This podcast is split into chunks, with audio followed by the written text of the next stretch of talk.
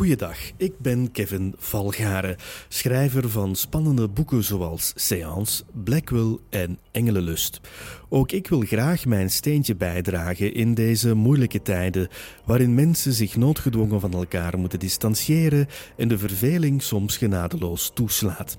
Daarom heb ik samen met uitgeverij Lano besloten om dagelijks een hoofdstuk voor te lezen uit Seance, een bovennatuurlijke thriller die in 2016 verscheen. Vandaag lees ik hoofdstuk 19 voor van Seance.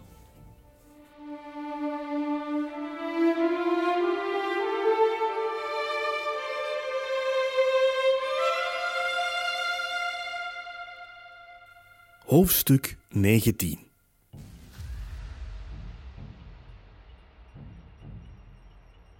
De eerste dagen na het vertrek van Elizabeth en haar gevolg kon ik het niet opbrengen om te doen wat ze van me had gevraagd.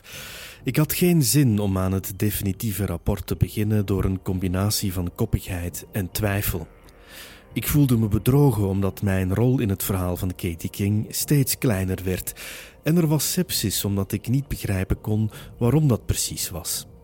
Er werden zaken achter mijn rug besproken, zaken waarvan ik alleen maar wist dat het belangrijk was dat ik er niets van mocht weten. En dat terwijl ik samen met Elizabeth en Katie in het middelpunt van de belangstelling stond, en niet Charles Blackburn en William Harrison. Mr. Harrison koos er zelfs voor om zelden tot nooit zijn naam onder een van zijn artikelen te vermelden. En dus weigerde ik initieel aan het rapport te beginnen, maar om me te vrijwaren van een immer dreigende depressie, bracht ik mijn ledige uren onder andere door in het gezelschap van de kinderen. Het was in april warm en bij momenten helder genoeg om te genieten van het zonnetje op het binnenplein van ons huis. Zelfs Mrs. Whitman, die bijna nooit buiten kwam, waagde het om zich af en toe bij ons te voegen. En er was meer dan dat. Ze leek zich oprecht te amuseren met de kinderen. Ze holde achter hen aan en deed alsof ze haar telge niet kon vinden tussen het gewassen en opgehangen linnen. Kortom, het was jaren geleden dat ik haar zo gelukkig had gezien. Ik heb u eerder verteld dat mijn vrouw verworden was tot een gevoelloos wicht, maar die paar dagen aan het begin van de lente hadden in haar een soort van wederopstanding bewerkstelligd.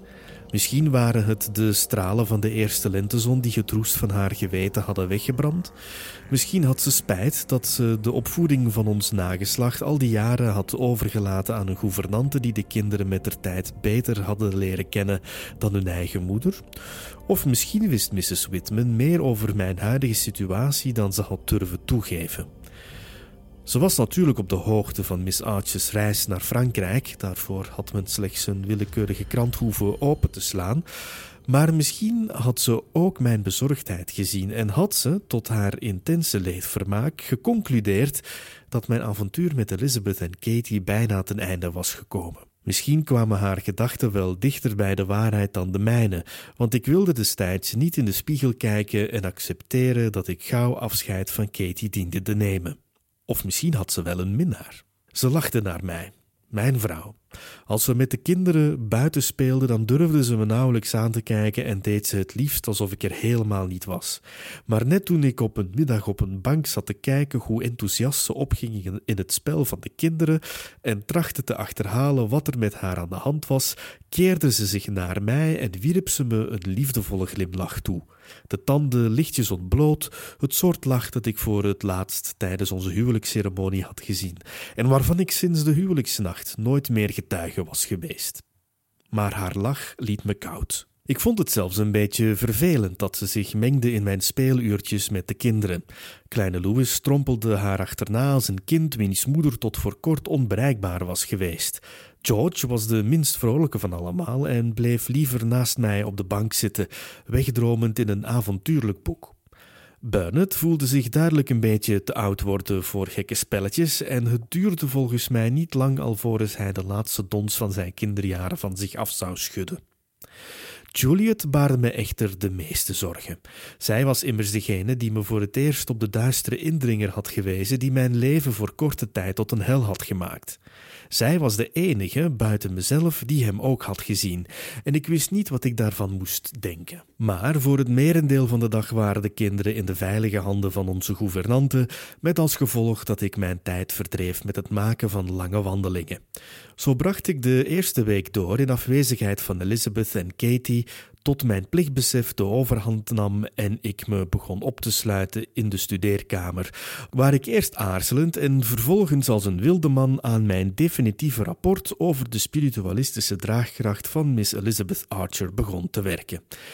Ik begon met een samenvatting van wat vooraf was gegaan en eindigde met een gedetailleerde beschrijving van mijn ontmoeting met Elizabeth en Katie in dezelfde kamer, zonder uiteraard ook maar te suggereren dat er sprake was van een intieme relatie tussen Katie en mij. Na een week te hebben gespendeerd aan het vergelijken van notities en het neerschrijven van mijn wedervaren, had ik tien vellen papier aan beide kanten beschreven en herschreven. Ik besloot met de volgende paragraaf. Nog niet zo lang geleden was ik een scheikundige die het erg moeilijk had om zijn liefde voor God te verenigen met zijn onderzoek in de natuurwetenschap. Toen mij door uw hoofdredacteur werd gevraagd om met empirische expertise een onderzoek te verrichten naar het talent van Miss Archer, zag ik een kans om mijn geloof en mijn beroep eens en voor altijd vredig samen te laten gaan. Zoals u heeft kunnen lezen, ben ik er ook in geslaagd om deze verzoening te bewerkstelligen. De experimenten hebben meermaals bewezen dat de gave van Miss Archer wonderbaarlijk, zonder weerga en authentiek is. Er kan ook niet meer getwijfeld worden aan het feit dat Miss Archer en Miss King twee verschillende individuen zijn. De een was tot voor kort een eenvoudig meisje uit Hackney met een sluimerend talent dat pas kort geleden tot volle ontwikkeling kwam. De ander is de materialisatie van de geest van een kind dat opgroeide in Jamaica en daar op vreselijke wijze om het leven kwam, 200 jaar geleden. Dankzij Miss Archer kan de wetenschap nu met de hand op het hart erkennen dat er leven na de dood is. Dat er zoiets bestaat als het hiernamaals en dat sommige begiftigde individuen in contact staan met die tot nader order erg abstracte ruimte. Ik overdrijf niet wanneer ik zeg dat dit onderzoek niet alleen heeft geleid tot een proefondervindelijk bewijs van het hiernamaals, maar en dat is niet meer dan een logische gevolgtrekking, tevens tot het bestaan van God. Daar moet ik wel onmiddellijk bij noteren dat mijn werk slechts het begin is van een nieuwe wetenschappelijke richting. Het is nu aan anderen om verder te bouwen op mijn bevindingen en op zoek te gaan naar die mysterieuze oase van onvoldane zielen en naar de schepper van alles wat hier is en elders. Ik weet niet of u het met mij eens bent, maar ik was behoorlijk trots op die alinea. Na een laatste herlezing beloonde ik mezelf met een extra groot glas brandewijn, een flink gestopte pijp en een dosis laudanum die de schrijver Wilkie Collins zonder twijfel het nakijken had gegeven. In een roes van tabak, alcohol en kalmerende middelen vierde ik het einde van mijn experiment en deed ik mijn best om niet te denken aan wat er binnenkort komen zou. Op die manier gingen er twee weken voorbij en al die tijd had ik niets vernomen van Elizabeth en haar gevolg. Nog had ik iets in de kranten gelezen over de séances die in Parijs hadden plaatsgevonden. De derde week van april beloofde de voorlopig zonnigste week van het jaar te worden, maar het lenteweer kon me gestolen worden. Ik begon onrustig te worden, want ik hoorde maar niets van Elizabeth, die volgens mijn berekeningen terug in het land moest zijn. Ik was ervan uitgegaan dat ze onmiddellijk contact met me zou opnemen wanneer ze weer beschikbaar was, maar dat had ze nog niet gedaan. De enige andere mogelijkheid die ik mij kon bedenken was dat ze nog steeds op het continent vertoefde en dat ze het daar enorm naar hun zin hadden. Op dinsdag 14 april hield ik het niet langer uit en werd mijn immer hardwerkende brein verblijd met een geniale ingeving. Waarom ging ik niet naar Hackney om moeder en vader Archer te vragen waar hun dochter bleef? Het kon toch niet anders of zij moesten op de hoogte zijn. Ik had mijn hoed al opgezet en mijn colbert al dichtgeknoopt om naar Bruce Villas te vertrekken toen er op de deur werd geklopt. Drie haastige tikken met een metalen ring die rustte in de bek van de trouwe bewaker van nummer 17 Guff Square. Mary kwam de keuken uitgestoven, maar ik zond haar terug met de mededeling dat ik wel zou open doen. Aan de deur werd ik begroet door een bode die me een enveloppe overhandigde waar mijn naam op stond geschreven. Ik herkende het handschrift meteen, bedankte de briefbezorger en trok me haastig terug achter mijn bureau, waar ik, nog steeds met mijn hoed op, de enveloppe opende en de korte pennenvlucht van Elizabeth las. Lieve Francis, is het mogelijk voor jou om morgen 15 april naar de redactie van de Spiritualist te komen? William en ik hebben enkele belangrijke mededelingen, inclusief een voorstel dat je als muziek in de oren zal klinken. Het is niet nodig om je aanwezigheid te bevestigen, ik weet dat je er zult zijn. Je meest toegenegen Mrs. Elizabeth Harrison. Ik weet niet hoe lang ik naar haar signatuur bleef staren, maar het moet een lange tijd zijn geweest. Natuurlijk was er geen twijfel dat ik in zou gaan op haar voorstel, want ik wilde weten waarom ik niet op de hoogte had mogen zijn van het feit dat Mr. Harrison en Elizabeth in Parijs waren getrouwd. Aangezien mijn ongeduld ernstige proporties had aangenomen en Elizabeth geen tijdstip had vermeld in haar brief, wandelde ik reeds in de vroege middag van 15 april door de zonovergoten straten van Londen richting Whitechapel. Ik had mijn overjas en mijn hoed thuis gelaten omdat het er niet naar uitzag dat het die dag ging regenen. In de binnenzak van mijn colbert had ik de bladzijden van mijn verslag netjes opgeborgen. Het was nog frisjes in de ochtend, maar de zon was reeds krachtig genoeg om de temperatuur in de loop van de dag redelijk te laten toenemen. Het was druk in de straten van de metropool en de mensen kwamen met dit weer graag naar buiten en gedroegen zich bijna zonder uitzondering uitgelaten en vrolijk verheugd als ze waren nu het einde van de lange winter helemaal achter de rug was. Mijn stemming kwam echter niet overeen met het algemene gevoel van euforie dat de burgers in een greep hield. Zoals gezegd voelde ik me tekort gedaan en buitengesloten, niet meer dan een onbeduidende schakel in een groter complot waar ik het raden naar had.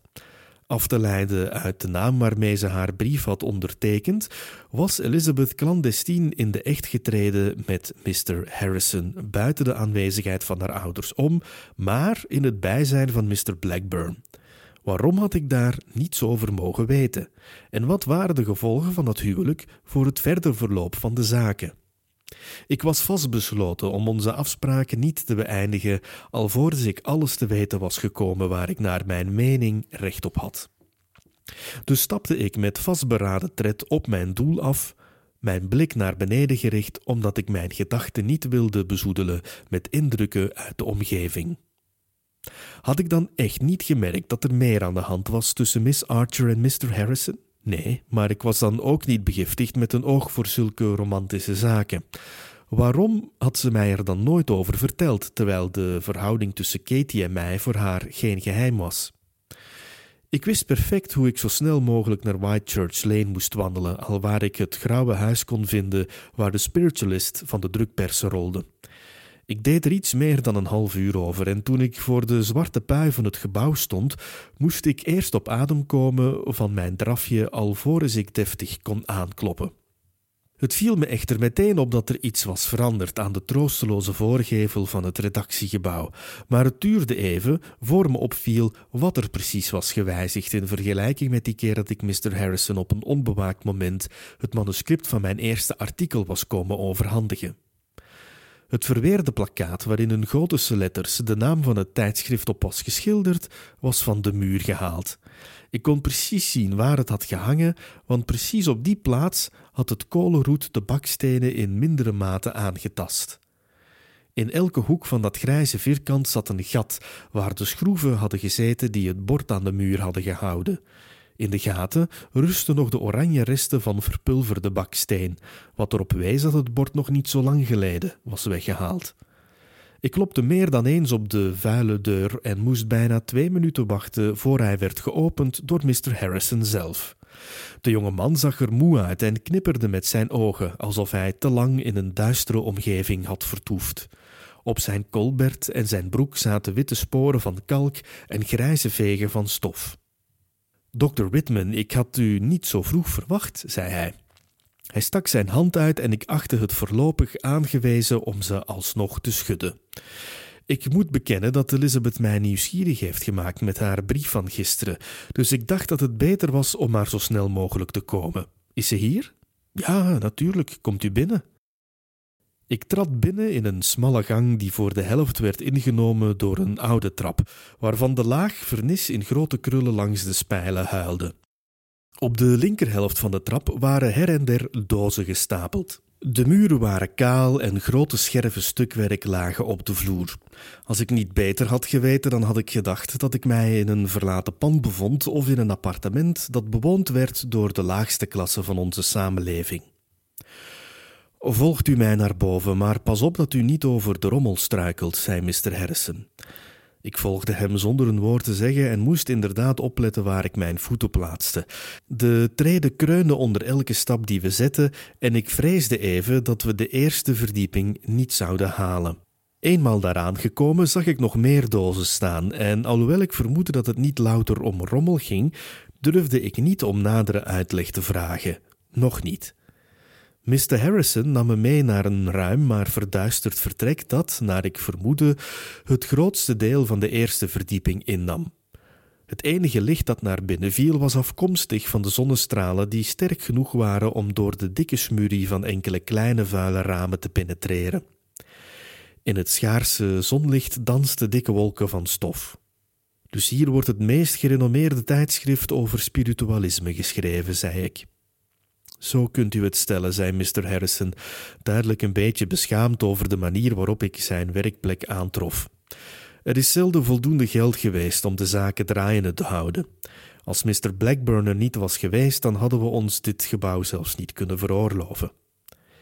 In de kamer stonden drie grote bureaus die zo oud waren dat het niet anders kon of ze hadden reeds meer dan één vorig leven achter de rug.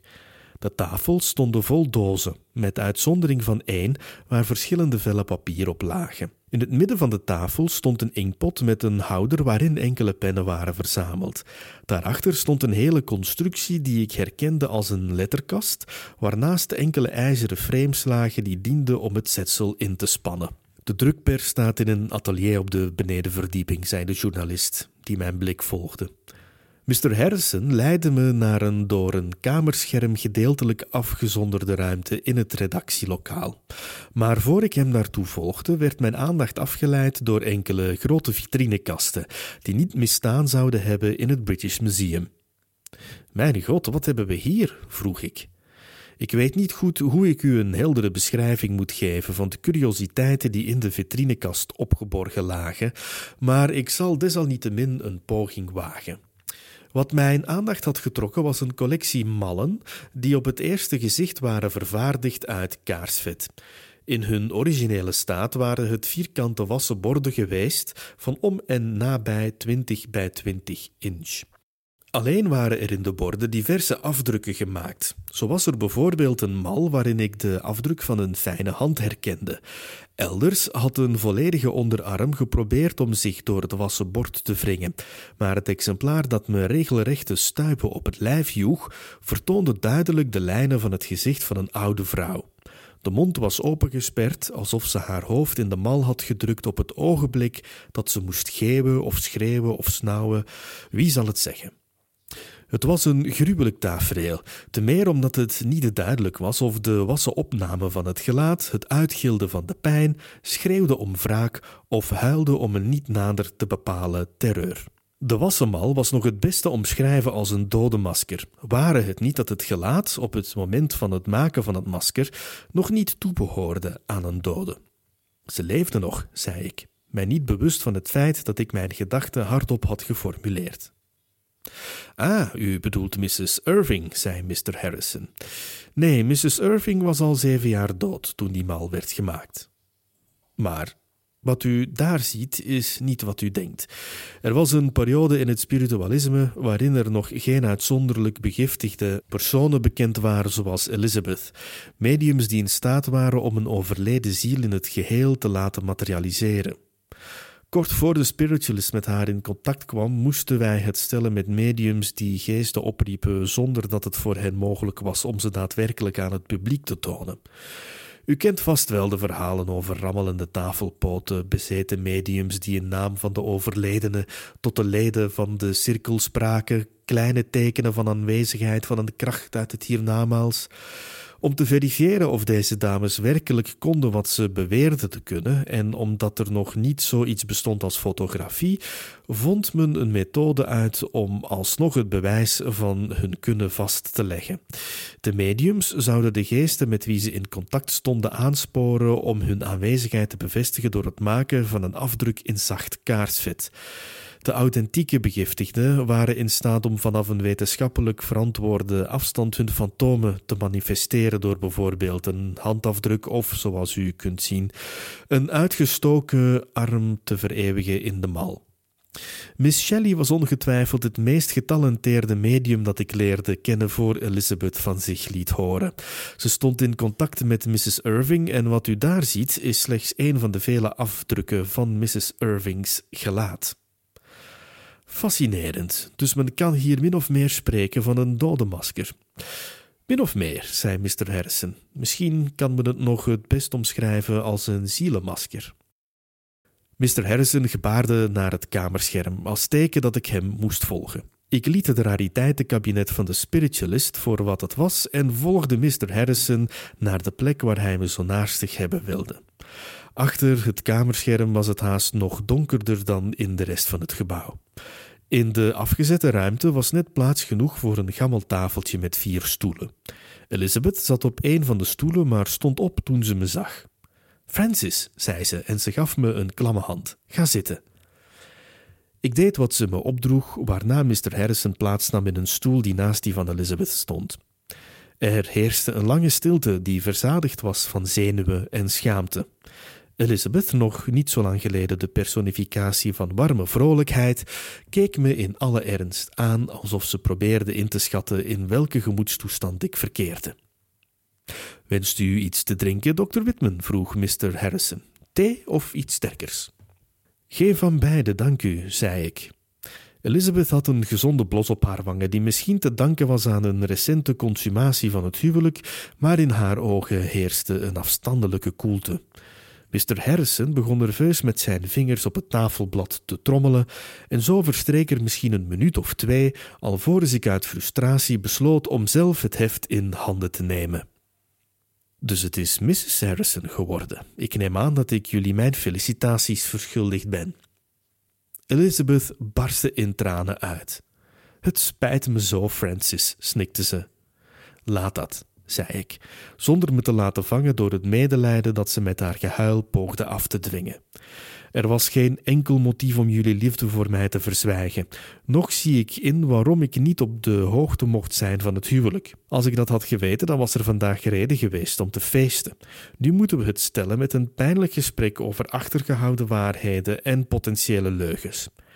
Ik weet nu dat ik slechts een onderdeel ben geweest in een complot dat mijn pet te boven gaat, maar ik ben niet van plan om dit krot te verlaten zonder te weten waarom ik door jou en de immer respectabele Mr. Harrison ben gebruikt. Mr. Harrison kamde met zijn vingers door zijn haar alsof de ironie van wat ik net had gezegd niet tot hem was doorgedrongen.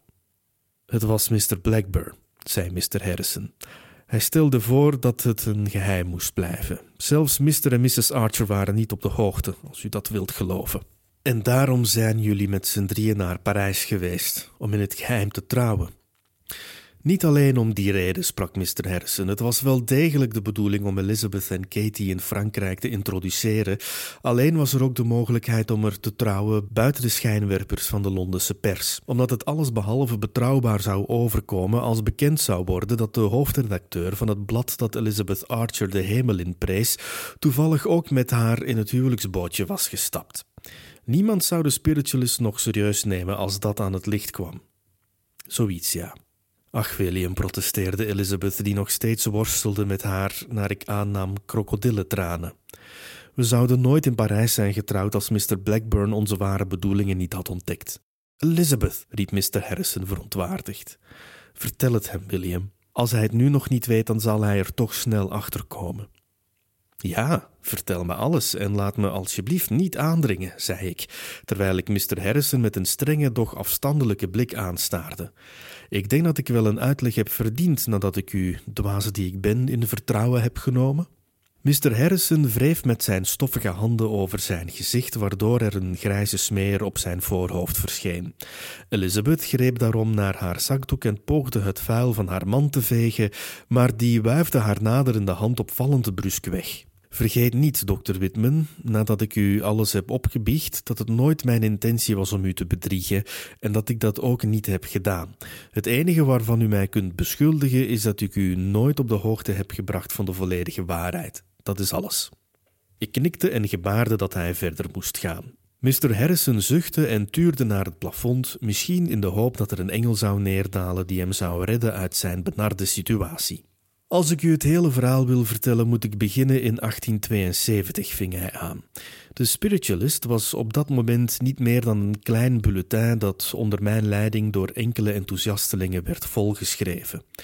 We waren met z'n vieren en dat zijn we nog steeds. We schreven in onze vrije tijd en met de enkele ponden die we konden missen, slaagden we erin om onze artikelen te drukken en te verspreiden.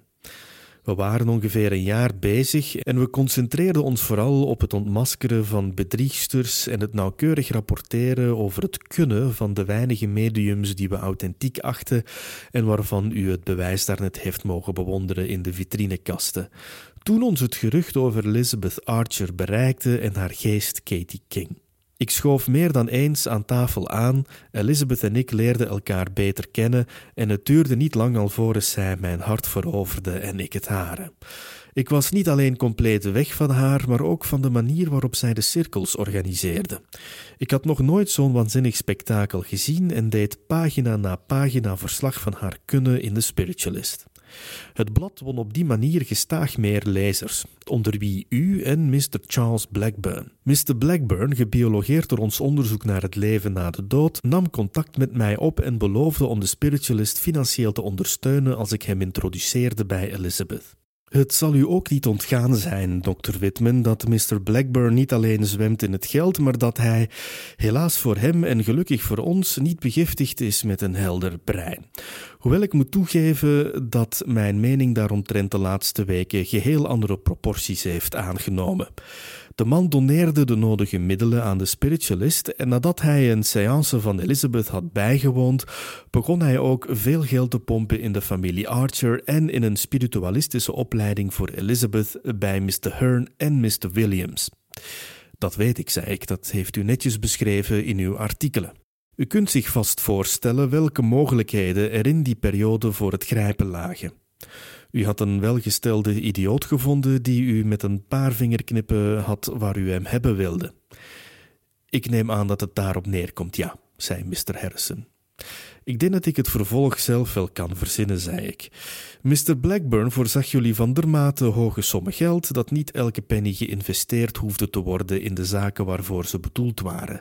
Elizabeth en u konden ongezien geld sparen. Tot tot we rijk genoeg waren om naar het buitenland te reizen en daar bescheiden te leven van het kapitaal dat we bij elkaar hadden gespaard, vulde Mr. Harrison aan.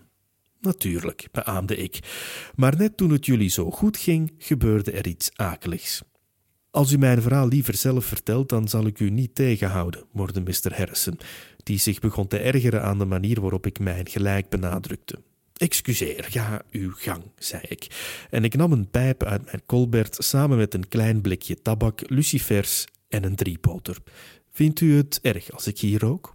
Mr. Harrison trok zijn schouders onverschillig op en vertelde verder terwijl ik mijn pijp stopte.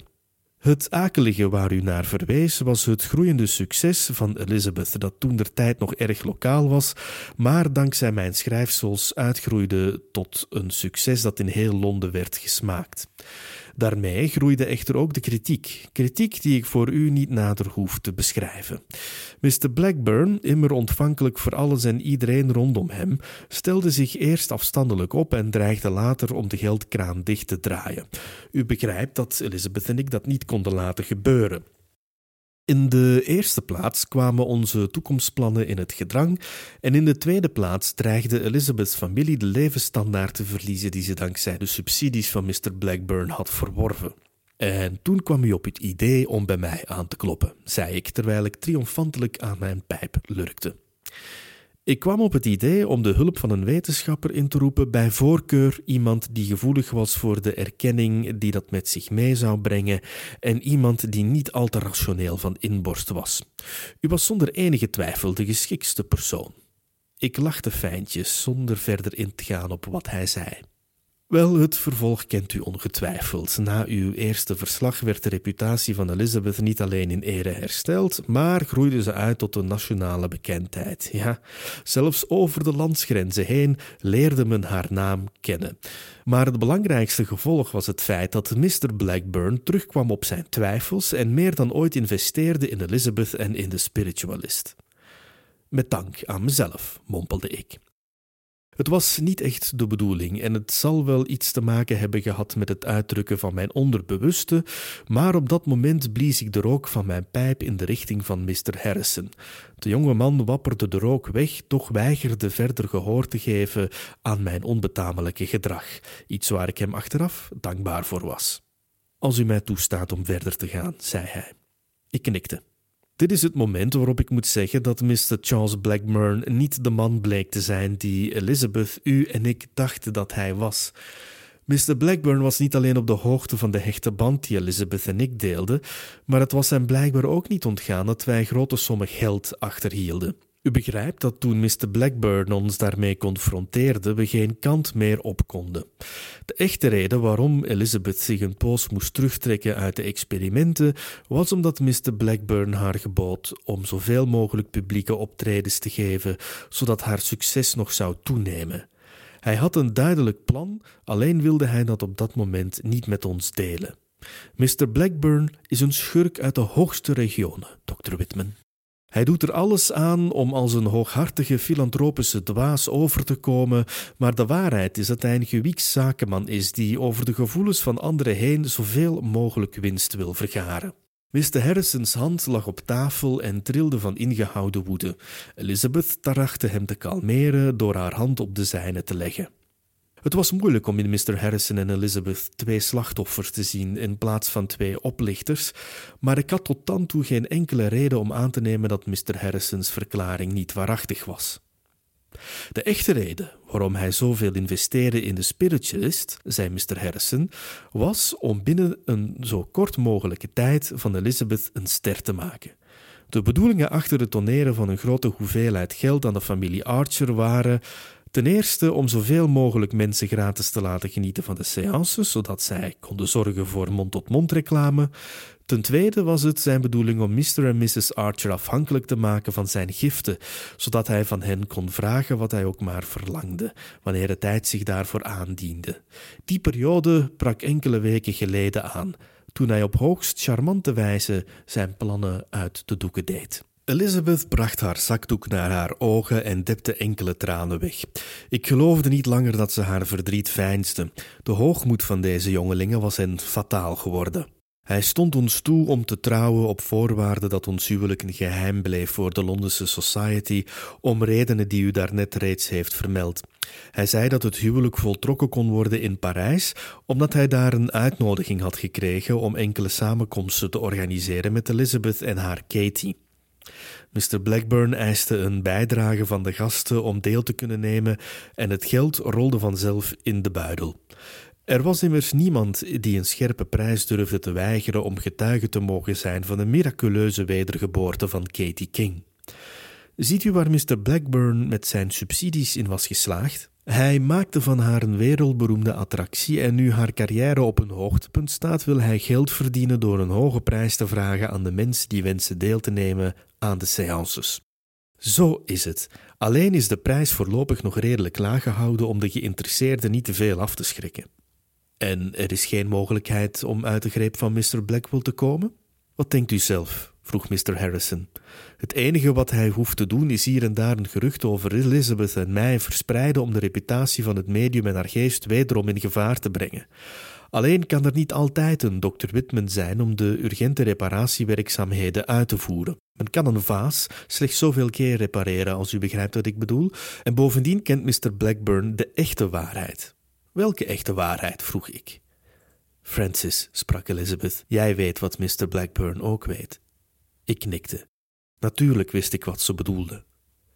Dus, met uitzondering van het feit dat ik jullie ongewild heb geholpen in het winnen van Mr. Blackburns vertrouwen, heb ik helemaal geen rol gespeeld in de snode plannen van die zakenman. Als ik dat had geweten, wel, ik denk dat ik nu wel iets tegen de dorst kan gebruiken en liefst geen thee. Mr. Harrison's lippen krulden aan de mondhoeken lichtjes naar boven.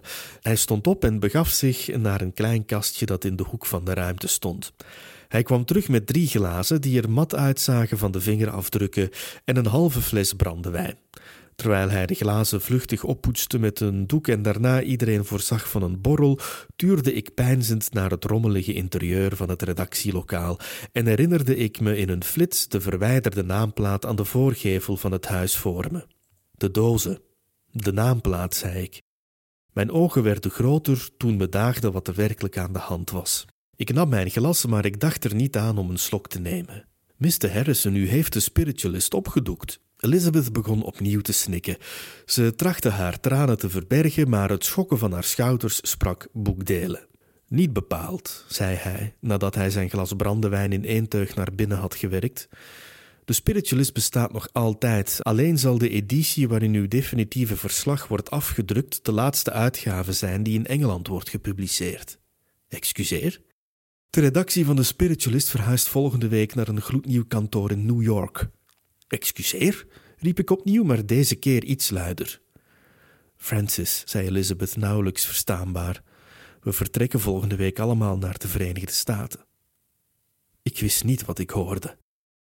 Mr. Blackburn heeft al geruime tijd contacten in de nieuwe wereld. Hij wil ons allemaal meenemen: vader, moeder, de spiritualist.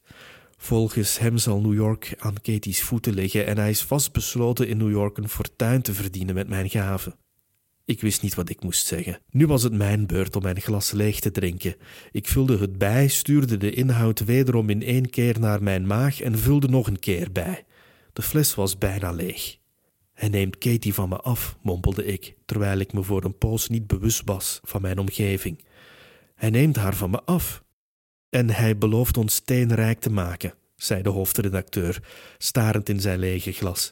Hij belooft een grootse oplage voor de spiritualist en hij belooft ons mee te laten genieten van de opbrengsten van zijn attractie. Hij belooft ook om onze levens te ruïneren als we zijn voorstel afwijzen.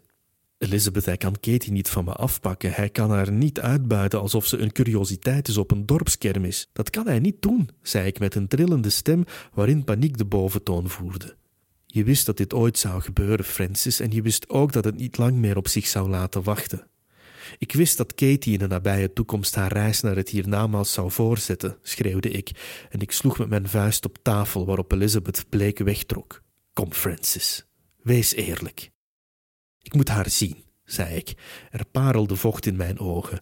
Ik was radeloos en bang, zag in mijn wildste fantasieën de terugkeer van het duistere monster dat me tien lange dagen had gefolterd en werd overmeesterd door een zwarte paniek die mijn hart deed bonzen als een aardbeving. Het bloed stond stil in mijn aderen en voor een ogenblik leek het alsof al mijn vitale functies het begaven. Ik heb het recht om haar te zien, zei ik, deze keer met een gebroken hoge stem. Ik hou van haar. Zij houdt van mij, dat weet je. Katie is niet hier, Francis, en ik kan haar nu niet oproepen, maar je zult haar nog een keer zien, dat beloof ik je. Wanneer? vroeg ik. William Harrison had het fatsoen om zich terug te trekken uit de afgesloten ruimte, zodat het leek alsof Elizabeth en ik even alleen waren. De journalist was uiteraard op de hoogte van wat er zich tussen Katie en mij had afgespeeld, maar uiteindelijk waren dergelijke persoonlijke aangelegenheden zijn zaken niet. Overmorgen is er mijn laatste séance in Hackney. Katie zal er voor de laatste keer verschijnen voor een Engels publiek en ik zou heel graag hebben dat jij de ceremonie leidt. Ik beloof je plechtig dat er achteraf tijd is om afscheid van haar te nemen. Overmorgen. Zo snel, zei ik. Het is alsof er daar net nog een toekomst tussen ons was en dat er nu helemaal niets meer overblijft. Er is nooit een toekomst voor jullie samen geweest, Francis. Ik nam mijn zakdoek tevoorschijn en snoot mijn neus. Het klinkt misschien vreemd, maar het is een troost om te weten dat ik niet de enige ben die het slachtoffer is van deze toestand, zei ik uiteindelijk met een brok in mijn keel. Mensen weten elkaar steeds te vinden in gedeelde smart. Wijze woorden voor iemand van jouw leeftijd. Ga nu, Francis. Alles is gezegd. Het spijt me ontzettend. Ik begrijp het, zei ik, en ik stond op en dronk mijn glas voor de laatste keer leeg.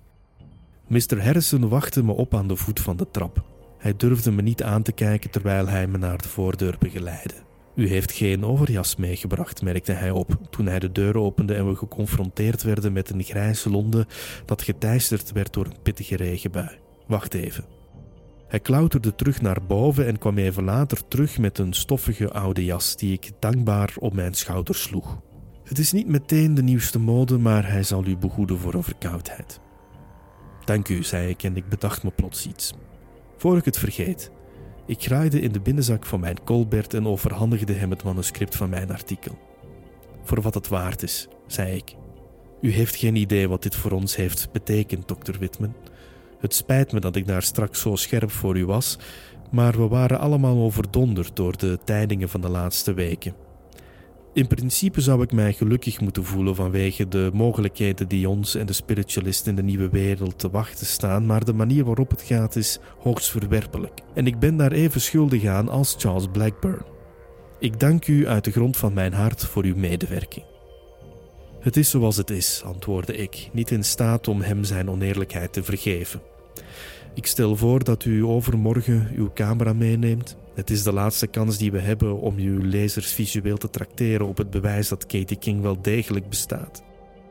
Daar zal ik voor zorgen. Tot overmorgen dan. Ik begaf me met opgetrokken schouders in de kletterende regen en was helemaal doorweek toen ik tien minuten later in Whitechapel Road een koets wist te laten stoppen.